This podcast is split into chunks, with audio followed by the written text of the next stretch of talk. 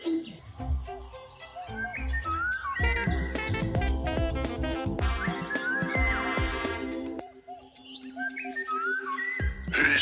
och välkommen till Pippipodden alla glada fågelentusiaster.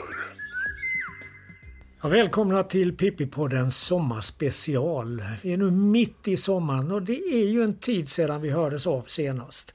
Det är det ju verkligen.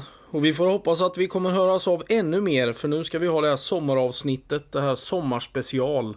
Och sen ska vi fortsätta under hösten är tanken. Mm. Hur många är det som har lyssnat på våra program? Har du någon kläm på det? Jag kollade precis och det var faktiskt en bit över 10 400 personer eller 10 400 lyssningar i sammanlagt 44 länder. Och det hade vi väl inte trott när vi tog första koppen kaffe när vi skulle börja med det här. 44 länder, vi, vi har ju nått ut över hela världen nästan. Mer eller mindre. det, är, det är ju roligt.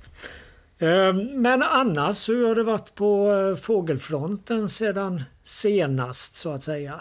Det var väl någon gång i våras vi hördes av senast?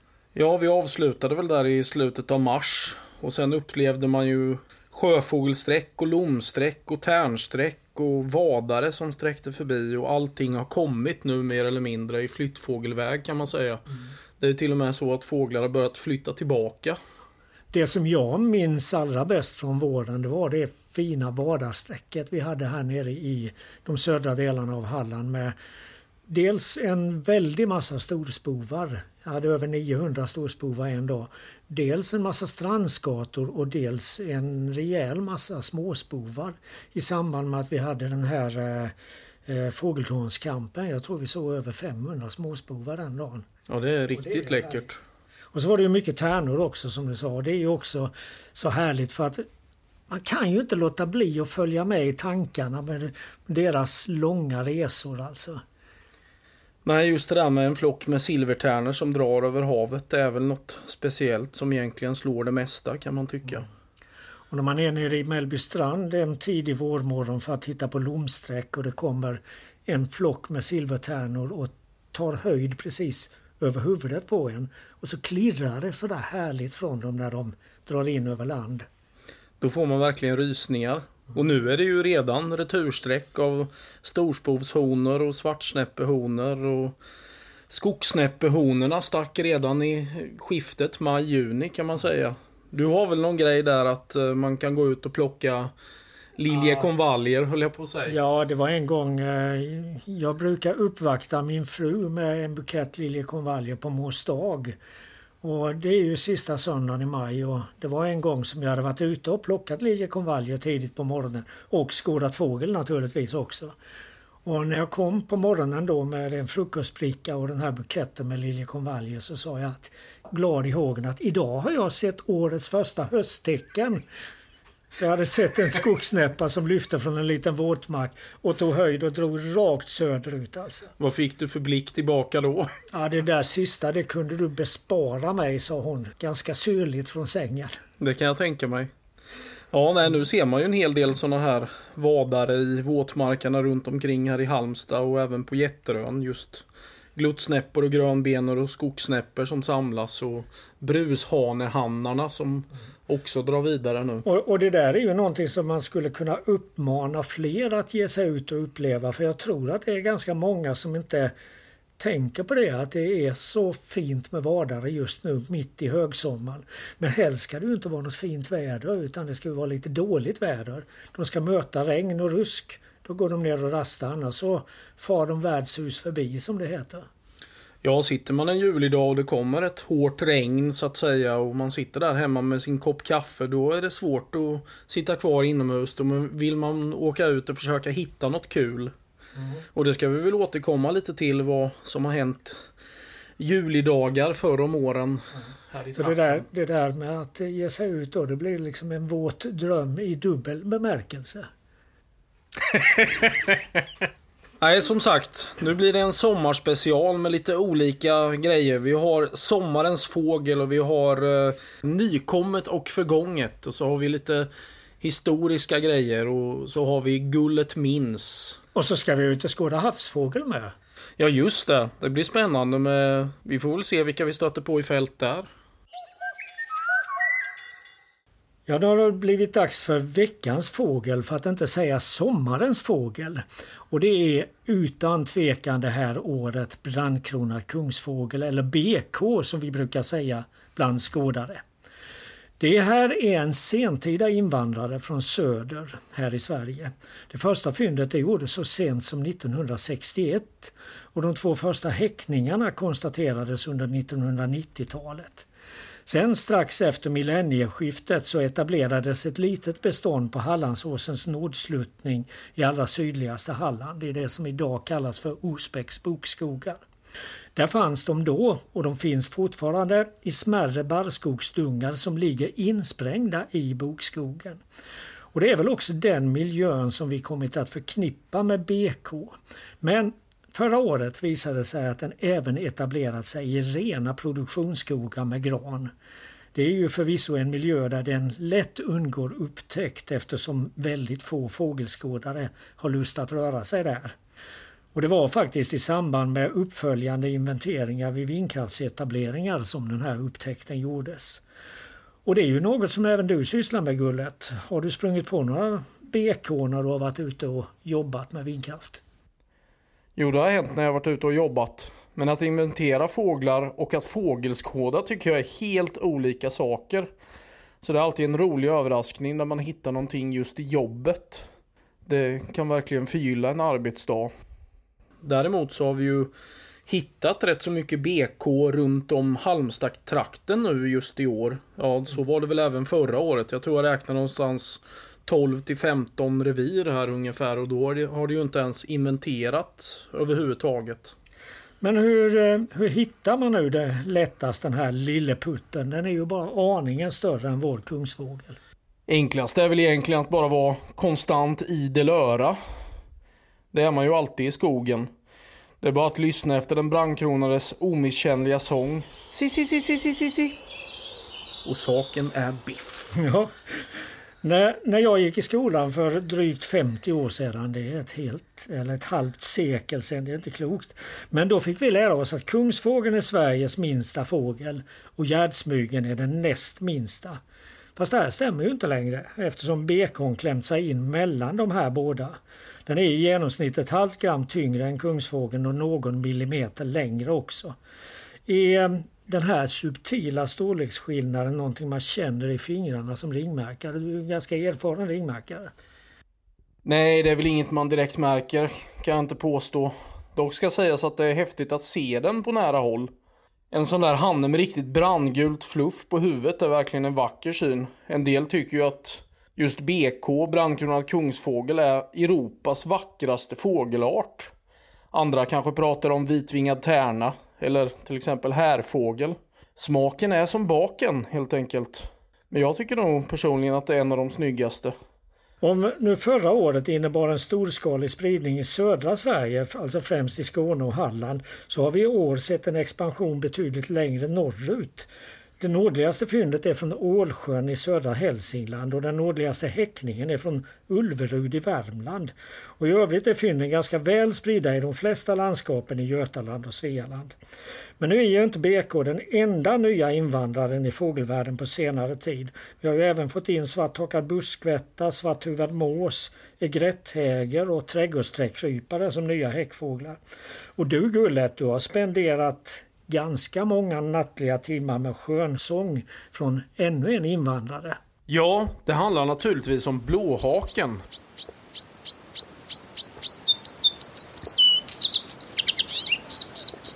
Ja visst är blåhakar verkligen magiskt vackra fåglar. Fantastiska mästare på att sjunga också. De skänker både ögat och örat stor njutning. Och på senare år har ju den centraleuropeiska underarten av blåhaken, nämligen vitstjärnig blåhake spridit sig norrut och expanderat i Danmark. I nordvästra Skåne häckade dessutom några par för några år sedan ju. Så vi har väl tänkt här några vårar att det kunde vara läge att hitta någon och möjligheten att hitta en i hemmamarkerna kändes ju väldigt stor i år på något sätt. Och mycket riktigt så hittades en i början av maj ute i hamnutfyllnaden. Den satt och sjöng i ett körsbärsträd här i Halmstad hamnutfyllnad. Jag upplevde den ofta som ganska skygg, men den visade sig då och då i sångflykt och ryttlade ofta ovanför vassen. Sen när det kommer till sången, om man jämför med vår nordliga svesika blåhake, den rödstjärniga blåhaken, så får jag väl ändå säga att sången är ganska lik. Och sen var den väl så allra mest aktiv på natten. Den kunde verkligen sjunga oavbrutet i timtal och startade ofta vid en särskild tidpunkt. Jag vet någon gång, eh, jag var ute i hamnen där i maj och klockan blev väl 23 och den blev 23 och 10 och allt vad det var. Då tänkte vi att nej men Blåhaken sjunger väl inte ikväll. Så var det några som väntade kvar där. Och så satte den igång exakt vid 23 och 15 eller någonting i den stilen. Så det tål ju alltid att lägga de där extra minuterna. Men det är ju inte bara i hamnutfyllnaden i Halmstad som vi har haft revirhävdande vitstjärniga blåhakar i år. Det har ju även funnits i vassen på Jätterön och på en plats i nordvästra Skåne. Vet du om det finns några indikationer på häckning i år? En häckning hade ju varit otroligt häftigt och det tror jag verkligen det kan bli i framtiden. Hamnutfyllnaden har verkligen potential och även Jätterön. Just i år har vi ju inte hittat något den här säsongen. Möjligen har faktiskt en hona setts Jätteröns vasshav nära Stora Gömslet där. Men eh, inga indikationer på att häckning ska ha ägt rum där finns ännu i alla fall. Men vi får hålla utkik. Mm. Som du sa så är ju den här rasen av blåhake på spridning i Danmark och rimligtvis bör vi väl kunna vänta oss en mer permanent etablering i Sverige, eller vad tror du? Ja, det får vi verkligen hoppas, inte minst för vår egen skull. Lite självisk måste man ju få vara.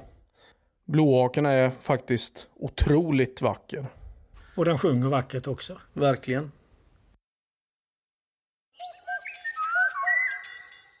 En annan sentida invandrare i Sverige är pungmesen. Den kom från söder eller sydost och första fyndet i Sverige gjordes så sent som 1964. Och den första häckningen noterades 1974. Därefter expanderade pungmesen ganska snabbt och något av en guldålder inträffade åren runt 1990. Då häckade pungmesen i minst tio olika landskap och beståndet beräknades till åtminstone några hundra individer. Men de senaste decennierna så har det gått lite upp och ner och nu så ser det faktiskt riktigt mörkt ut för pungmesen. Det är bara från Skåne och östra Småland som säkra häckningar rapporterats i år och möjligen så har den också häckat på en isolerad plats i Västergötland. Sen har bobyggen noterats under våren även i Östergötland, Närke och Uppland men enligt Artportalen så verkar detta inte ha lett till några häckningar. Och noterbart är även att i de tidigare ganska säkra pungmeslandskapen Halland, Öland och Gotland så verkar det ha varit ett mycket magert år i år med ytterst få fynd. Och det här det gäller även i vårt södra grannland Danmark. I gruppen Fältornitologen på Facebook så skrev Lars Tom Petersen häromdagen att det går sämre än skit för pungmesen. Den senaste månaden har det bara kommit in en enda rapport om pungmes i Danmark och det var en tillfällig obs av en fågel den 5 juli. Under våren och försommaren rapporterades bobygge endast från fem platser i vårt södra grannland. Och enligt Artportalen så finns det faktiskt bara två observationer från Halland i år. En i slutet av april och en i mitten av maj. Har du sett någon pungmes i år Gullet? Nej, och för, eh, ja, säg en 5-10 år sedan blev vi ju nästan lite bortskämda här med årliga obsar på pungmes mer eller mindre. Men... Ja, på många olika platser också. Ja, runt om eh, både i södra och mellersta och norra Halland. Men eh, jag tror inte jag har sett någon pungmes på 3-4 år. Och det var väl senast på Trönninge ängar. Det är lite dystert för det är en väldigt trevlig fågel. Alltså det är en mysig fågel att titta på. En vacker också. Ja, de bygger ett sånt häftigt bo med. Nej, det vi får hoppas på mer i framtiden. Ja. Det är ju också en fågel som har ett läte som är väldigt speciellt och som för mig och andra jämnåriga som börjar bli lite tåren kan vara väldigt svårt att höra för det ligger väldigt högt på skalan. Mm, det påminner ju om en utdragen sävsparv kan man väl säga. Sävsparvar hör man ju vassen hela tiden liksom ti, ti. Men det här är ju ti, pungmesens läte.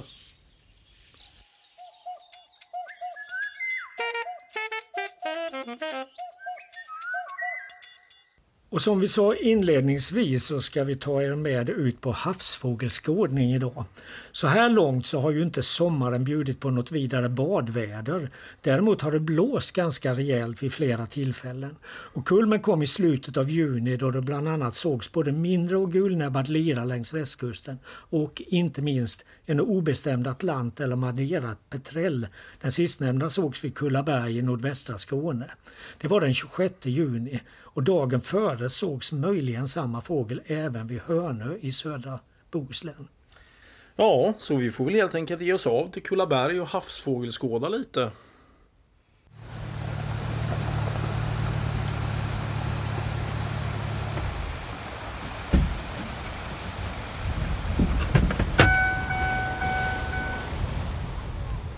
Oj då gullet! Usch, det här var ett riktigt blåshål. Åh, oh, hej och hå, nu får vi balansera på klipporna så vi inte slår ihjäl oss. Vackert är det ju hur som helst. Men det, det första som slår mig det är att svenska fågelskådare i mycket hög grad är flockdjur. Se dig omkring, bara kolla! Halva Skåda-Sverige är ju här. Mm, jag vet. Och hade vi kommit fem minuter tidigare så kanske vi hade fått lite lä. Men det ser ut som att vi som bäst får lite halvt lä här idag. Men vad fasen, det kommer bli en härlig dag. Hallå! Petrell! Petrell! Och titta, där sitter ju Carlos Luna, påvens vän som vi har haft sällskap med i Pippi-podden några gånger tidigare. Ja, Carlos, hoppas du också på att få se petrellen? Sedan barnsben har jag drömt om petreller, albatrosser, liror och fregattfåglar. Jag älskar när vinden piskar havet så det blir sånt där vitt vågskum överallt. Det är som havet ser ut som en buckligt plåt. Lite som att jag skrynklar aluminiumfolie och lägger på en backplåt när jag bakar oblater där hemma. Ja, havsfåglar är ju extrema flygare, otroligt väl anpassade till ett liv över stormiga hav. Är det inte fantastiskt att evolutionen genom årmiljonerna slipat fram den här anpassningen? Fantastiskt är bara förnamnet, men evolution, vad är det? Jag tror Gud har skapat dessa kraftfulla flygare. Det krävs estetisk förmåga och ett gott öga för detaljer för att skapa såna här långvingade rackare. Och kolla där gullet, vem sitter inte där? Om, det är ju Göran Persson, numera storbonde i Sörmland och även han välkänd för Pippi-poddens lyssnare. Är du på kryssarstråt Göran? Hejsan. Jag har följt vädret en längre tid. I natt bestämde jag mig för att köra ner till kullen för att se om jag inte kunde få se en albatross, större lira och kanske en petrell. Jag kan det här med havsfåglar. Har rest både till Nya Zeeland, Sydafrika och Antarktis. Oj, oj. Precis i detta nu ser jag faktiskt en albatross. Vilket lyllo jag är. Ser ni hur den stryker klipporna, Gullet och Vidde? Men hinner du egentligen vara ute och skåda? Du har ju så väldigt, väldigt många olika uppdrag och du brukar ju dessutom omnämnas som landets allra främsta lobbyist. Äsch, jag tror jag slutar med att vara lobbyist. Det här är vansinnigt mycket roligare. Varför ser ingen albatrossen? Jag trodde folk hade koll här. Jag ser ingen albatross tyvärr, men jag vill också fråga dig som nyutnämnd ordförande i gruvbolaget LKAB.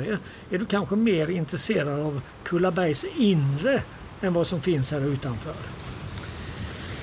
Det där tar vi vid ett annat tillfälle, Vidde. Hade du med dig kardemummagifflar, sa du? Ja, vi ses lite senare, Göran. Nu måste jag bara ta ett snack med nästa profil.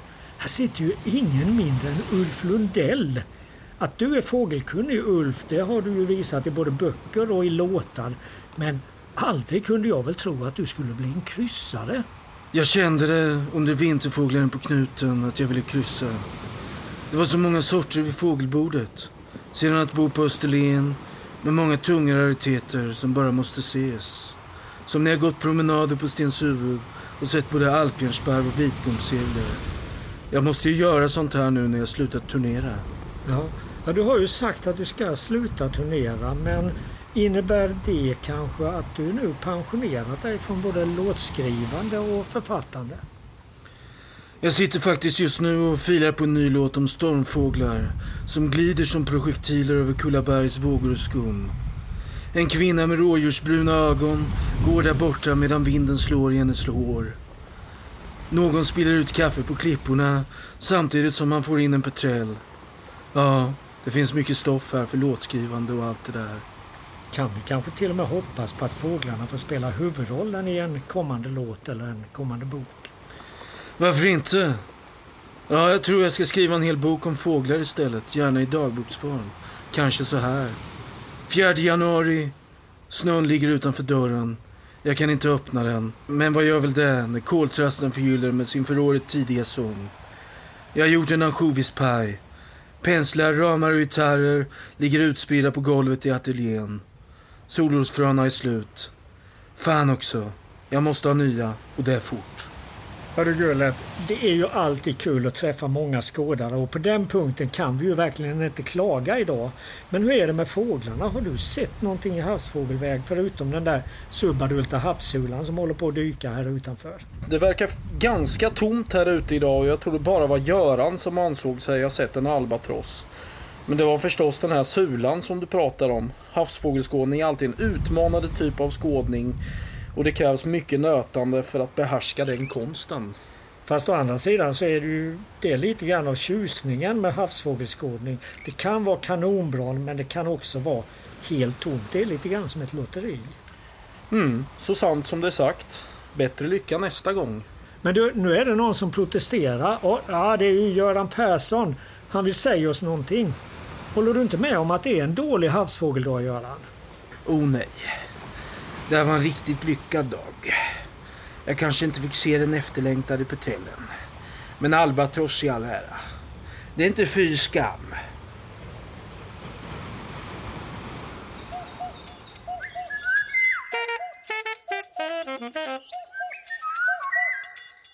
Nu måste vi nog bli lite seriösa igen här i Pippipoddens sommarspecial så nu ska Vidde prata lite om fåglar och klimatförändringar. Ja, under de senaste årtiondena har klimatet förändrats ganska markant över snart sagt hela jordklotet. Som en följd av de här klimatförändringarna har de flesta flyttfåglar också förändrat sina flyttningsmönster. Bland annat så har ju Ottenby fågelstations långa märkningsserier visat att framförallt kortflyttare men även långflyttare har tidigare lagt sin ankomst med flera dagar. Men frågan är om detta räcker för att matcha de förändringar som sker vad gäller växter och insekter. Det har exempelvis spekulerats i att den svartvita flugsnapparens sentida tillbakagång i Västsverige och i Danmark beror på just en missmatch med den viktigaste födan för ungarna, larver av småfjärilar.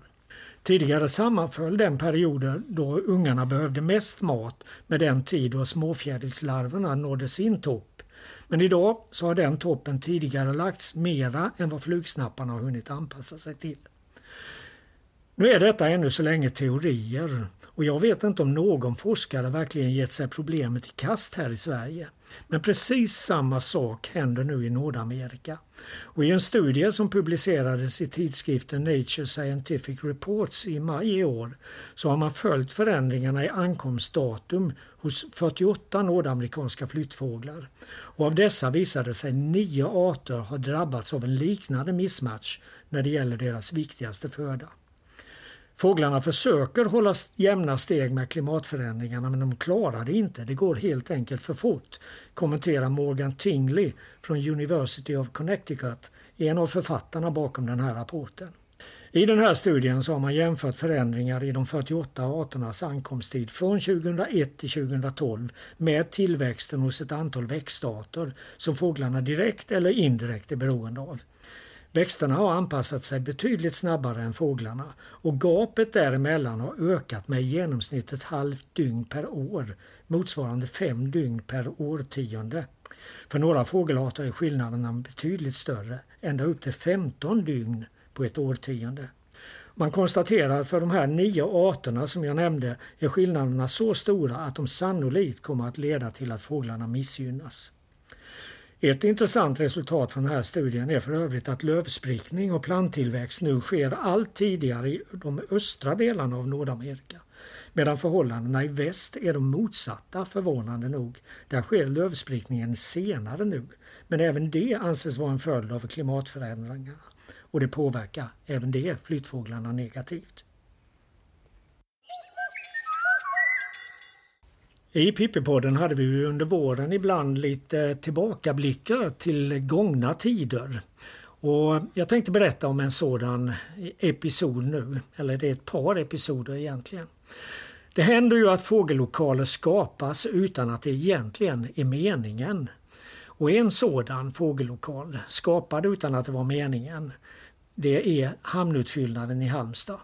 För närmare 50 år sedan så beslöt de styrande i stan att nästan två kvadratkilometer av havet utanför skulle vallas in och fyllas ut för att skapa ny mark i en snabbt växande stad. Det var då på 1960-talet. Och det här arbetet det startades i början av 1970-talet och mot slutet av samma årtionde så var fördämningen mot havet klar. Men innanför denna dämning så var det fortfarande vatten i form av ett antal stora dammar. Och sakta men säkert så fylldes de här dammarna med bland annat muddermassor från Halmstad hamn. Det ledde efterhand till ett varierande vattendjup i dammarna och gott om leriga och riktigt gyttjiga stränder. Det i sin tur innebar att mot mitten av 1980-talet så hade stora delar av området utvecklats till en vardagslokal av svensk toppklass. Under loppet av några år sågs i det här området minst 42 olika arter vadare. Och nu ska vi ta oss drygt 30 år tillbaka till en sommardag vid just den här tiden på året. Det var den 10 juli 1986. Efter en intensiv fågelvår hade jag drabbats av en trötthet orsakad av många tidiga månader under senvåren. Och resultatet blev att kikaren hamnade på hyllan en tid. Men just den här dagen, den 10 juli, då hade sydflyttande vadare åter fått mig på banan. Min dåvarande fru Marianne och jag började nere i Påarp och vi fortsatte sedan till hamnutfyllnaden i Halmstad. Där fanns det en liten flock med småvadare när vi kom, men den flög iväg till en avlägsen och svåråtkomlig del av området och jag svor nog en liten ramsa.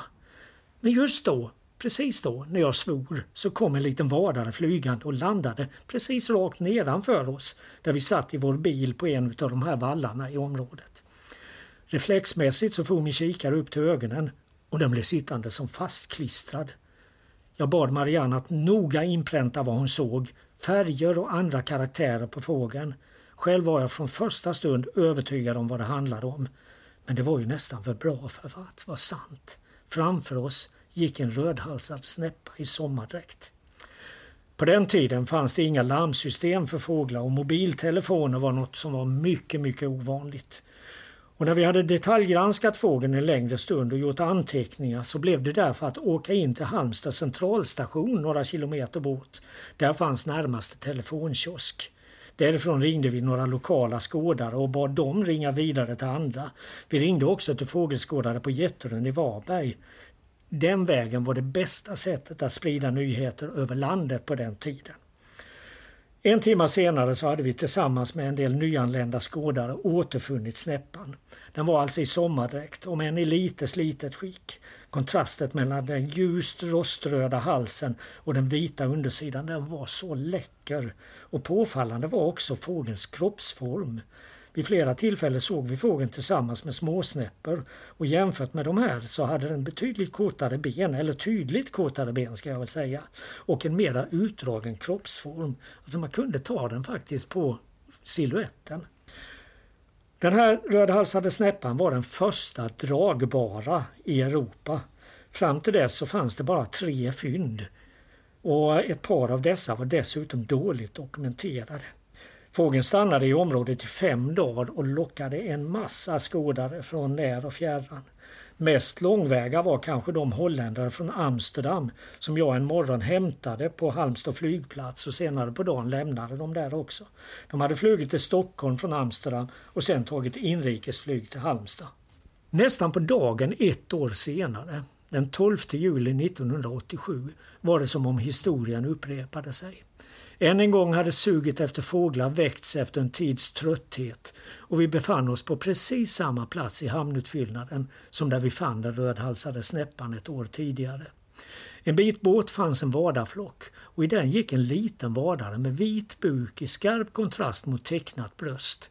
Jag hann tänka myrsnäppa innan jag fick upp kikaren och blev helt paff. Det var ingen myrsnäppa som gick där utan någon av de båda extremt långvingade nearktiska småvadarna, vitgumpsnäppa eller gulbröstad snäppa. När den flaxade till och avslöjade en vit övergump var saken klar. Det var Hallands första och Sveriges fjärde vitgumpsnäppa vi hade framför oss. Åter vidtog den omständiga proceduren att via telefonkiosken vid centralstationen larma andra skådare. Flera hann fram under kvällen och många fler anlände morgonen därpå. Men då hade en av landets allra mest prominenta skådare i sin iver att se den vita gumpen skrämt iväg hela fågelflocken som fann för gott att ta höjd och dra vidare söderut.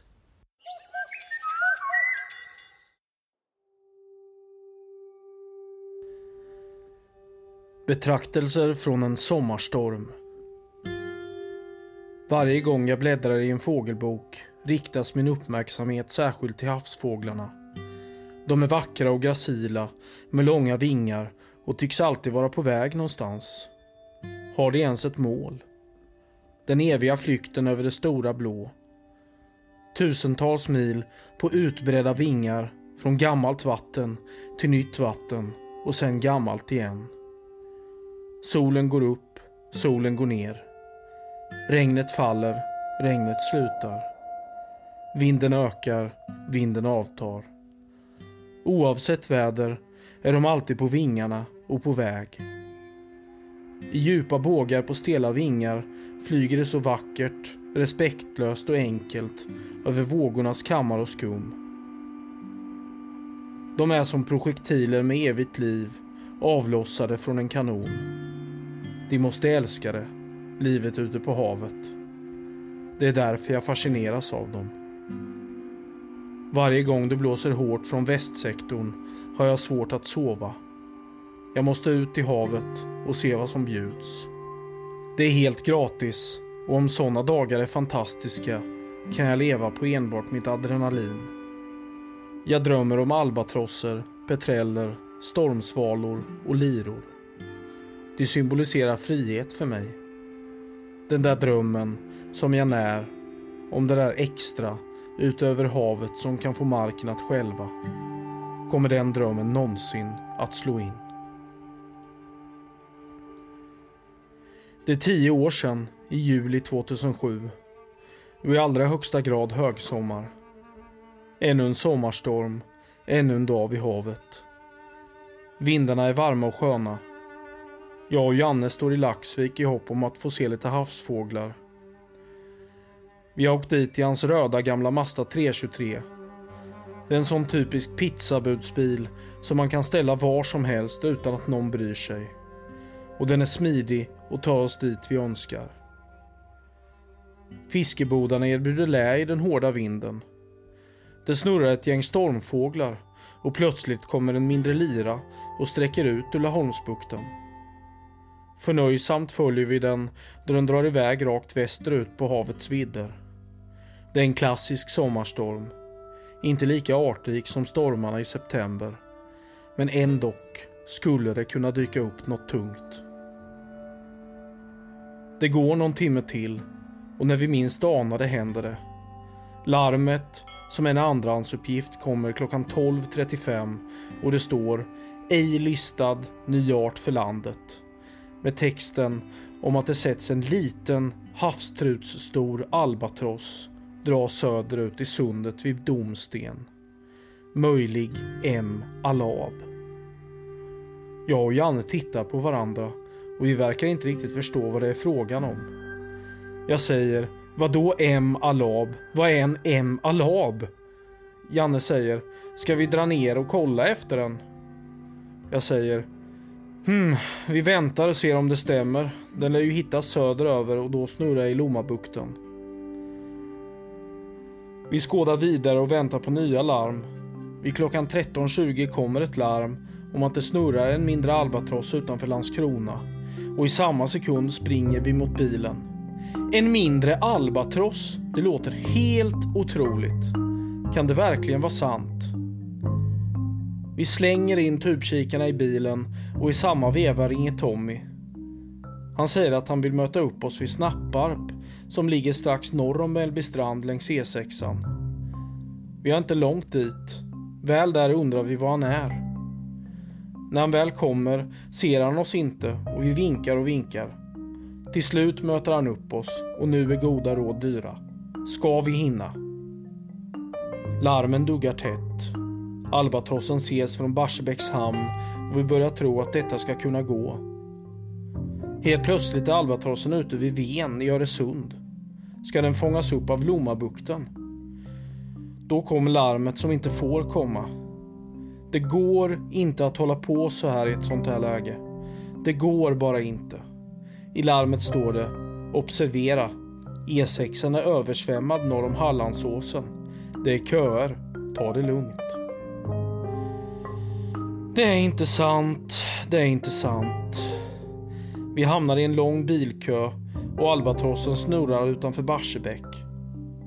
Jag tänker tillbaka på år 2004 då det dök upp en svartbrynad albatross i Laholmsbukten som jag missade för att de jag åkte med hade sett den när den besökte bukten 2001. Istället ville de kolla på en silkesäger på Trönninge ängar. Jag minns att jag tittade på den där jävla hägen i två sekunder för att sedan sätta mig i bilen igen och vänta. Det skulle inte få hända igen. Albatrossen är nu nere i Lomma södra och vi är på väg igen. Men bilköerna har sinkat mycket tid för oss. Samtidigt har albatrossen bestämt sig för att snurra runt i Lommabukten. Vi teoretiserar om att den inte borde vilja flyga förbi Öresundsbron och istället stanna kvar i bukten. Den fortsätter att snurra mellan Lomma och Malmö. Vi börjar tro ännu en gång att det faktiskt kan gå. Jag har kontakt med skådare på plats som beskriver precis vilken avfart vi ska ta från E6an och vart vi sedan ska köra. Larmet kommer klockan 14.34 om att det nu sätts på 20 meters håll vid Lomma Södra. Vi jublar i bilen och tar i stort sett ut segern i förskott. Vi är nu på väg in vid avfarten mot Lomma. Vi parkerar bilen och börjar springa ut mot havet. Och då kommer larmet om att albatrossen har flugit in över land. Det alternativet finns ju inte ens. Det existerar inte i vår tankevärld. Har albatrossen flugit in österut över land? Den har ju säkert flugit förbi oss under vår färd ut till Lommabukten. Vad är det frågan om? Jag ser allt röra sig i slow motion. Jag känner mig berusad fast jag inte druckit en enda droppe alkohol. Det känns som om jag skjutit den avgörande straffen utanför mål i en VM-final i fotboll. Jag har lust att bara sätta mig på knä, rikta mina armar upp mot himlen och skrika Nej, inte nu igen! Vi spanar ändå ut över havet i hopp om att den ska komma tillbaka. Det gör den inte. Folk letar i inlandet efter albatrossen. Men den står inte att finna. Den är borta för alltid. Vi missade den så snöpligt att det tar veckor att ta till sig hela händelsen. Jag vet skådare som inte ens har öppnat numret av Roadrunner där den mindre albatrossen pryder framsidan. Eller de som tappade sugen under flera månader att överhuvudtaget skåda. Att missa en fågel är inte så farligt, men att missa en havsfågel och då dessutom en albatross med några minuter som med stor sannolikhet aldrig kommer att ses igen är ett dråpslag. Jag får fortfarande rysningar över att köra över Hallandsåsen. När de lyckliga skådarna som sett mindre albatrossen talar om den inför de som inte sett den går den under namnet Fågeln vars namn man inte nämner. Skulle jag börja bovla istället? Skulle det bli klotet, käglorna och några biror ett par gånger i veckan istället för att skåda? Nej. Jag bestämde mig för att fortsätta fågelskåda. Jag har fortfarande inte sett någon albatross i Sverige. Men varje gång det blåser så hoppas jag. Jag hoppas att den dröm jag haft sedan jag började skåda ska gå i uppfyllelse. Livet är aldrig lätt för de som drömmer. Men drömmar är nödvändiga för att leva.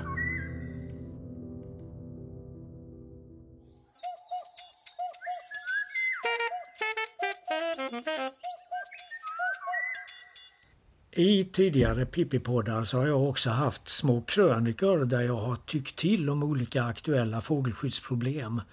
Och en sådan kommer även i denna sommarspecial och rubriken är Skyll inte på skarven. Jag börjar med ett litet citat. Mellanskarvarna har en förkärlek till abborre som byte vilket innebär att det är de som försvinner först. När abborrarna är borta försvinner även den viktiga predator i näringskedjan som reglerar antalet spigg i kantzonerna där abborrarna leker. Det här skriver ett antal företrädare för något som kallas Landsbygdspartiet och de har publicerat det här i många olika lokaltidningar. Debattartikeln har så många faktafel att den egentligen borde förbigås med tystnad. Men det är inte bara Landsbygdspartiet som nu klagar över skarven. Det är många fler som stämmer in i klagokören. Och på många håll piskas det upp rena hatstämningen mot den här fågelarten. Och därför kan det finnas anledning till några kommentarer. Låt oss allra först konstatera att skarven är både generalist och opportunist i sitt födoval. Med generalist menas i det här sammanhanget att den äter i stort sett all sorts fisk och med opportunist att den äter de fiskarter som är lättast att komma åt vid varje enskilt tillfälle. Det är alltså inte alls konstigt att en forskningsrapport visat att skarvarna i en viss sjö främst ätit abborrar eller att en annan studie i ett kustområde visat att tånglake varit den särklassigt vanligaste födan. Det är också viktigt att slå fast att storskarven alltså den som kallas Phalacrocorax carbo och mellanskarven Phalacrocorax carbosinensis är två raser av en och samma art. Båda formerna har funnits i Sverige sedan mycket lång tid. Den förstnämnda som övervintrade, den sistnämnda mellanskarven som häckfågel. Och mellanskarven utrotades i Sverige runt förra sekelskiftet, alltså mellan 1800 och 1900. Därefter återkom den till Kalmarsund i slutet på 1940-talet och den etablerade sig efterhand på ett par öar i sundet. Expansionen gick mycket långsamt de första årtiondena men från 1980-talet och fram till millennieskiftet så var spridningen både snabb och mycket omfattande. I början av 2000-talet uppskattades det svenska häckande beståndet till cirka 43 600 par. Det var 2006. Av allt att döma så innebar det också toppen. Därefter har inte skarven ökat i antal utan snarare minskat något totalt sett i landet. Men eftersom Sverige är ett stort och avlångt land så finns det stora regionala skillnader. Arten har minskat i Skåne, i Kalmarsund, i Vänern och längs Upplands kust men fortsatt att öka längs Norrlandskusten. Beståndet i Stockholms skärgård har hållit sig på en tämligen konstant nivå det senaste årtiondet och samma gäller för övrigt för Gotland. Och Gotland är intressant i sammanhanget för där är konflikterna kring skarven mycket små trots att nästan en fjärdedel av landets bestånd häckar runt ön. 2016, förra året, räknade man 9083 par runt Gotland. Och även i Hjälmaren är konflikterna små, inte minst sedan det konstaterats att den för yrkes och fritidsfisket kanske allra viktigaste arten i sjön, gösen, snarare ökat än minskat sedan skarven gjorde entré. Och det är väldigt många faktorer som påverkar miljötillståndet i våra sjöar och havsområden. Ett exempel kan hämtas från Stockholms skärgård där en studie genomförd av SLU visat att ungefär hälften av småfiskens uppväxtområden, alltså grunda vatten med rik bottenvegetation, har försvunnit de senaste 50 åren. Och det som en följd av exploateringar för småbåtshamnar, marinor och annat. Miljöproblemen i våra sjöar, vattendrag och hav de är så allvarliga och mångformiga att vi kommer att göra oss själva en betydande otjänst om vi låser oss fast i tron att vi får tillbaka abborren genom att skjuta bort skarvar. Skarven är som sagt en opportunist som äter den fisk som är mest lättillgänglig för tillfället. Och de studier som gjorts visar att detta i första hand inte gäller de matfiskar som vi är intresserade av utan snarare fiskar som tånglake och mört, det vill säga fiskarter som de allra flesta människor ratar. Dessutom kan skarven aldrig bli vanligare än vad dess bytesunderlag tillåter. Ja, nu är vi tillbaka på stranden vid Kullaberg och i brist på havsfåglar så har vi börjat titta på truta och det där det är ju riktigt kul Gullet! Verkligen. Vi kollar ju på efter kaspiska trutar och medelhavstrutar varje höst ja. mer eller mindre. det där är någonting som man gärna skulle vilja lära sig lite mer om. Ja, och som av en händelse så finns det faktiskt möjligheter att gå en trutkurs på Österlen med de två eminenta ornitologerna David Erterius och Hans Larsson den 6 till 8 oktober i år. Ja, riktiga trutgurus alltså. Exakt. Men du, kolla, kolla! Kolla, Carlos Luna är ju alldeles till sig trasorna där borta. Petrell, Petrell! Läckert Carlos. Men den där såg jag för flera minuter sedan.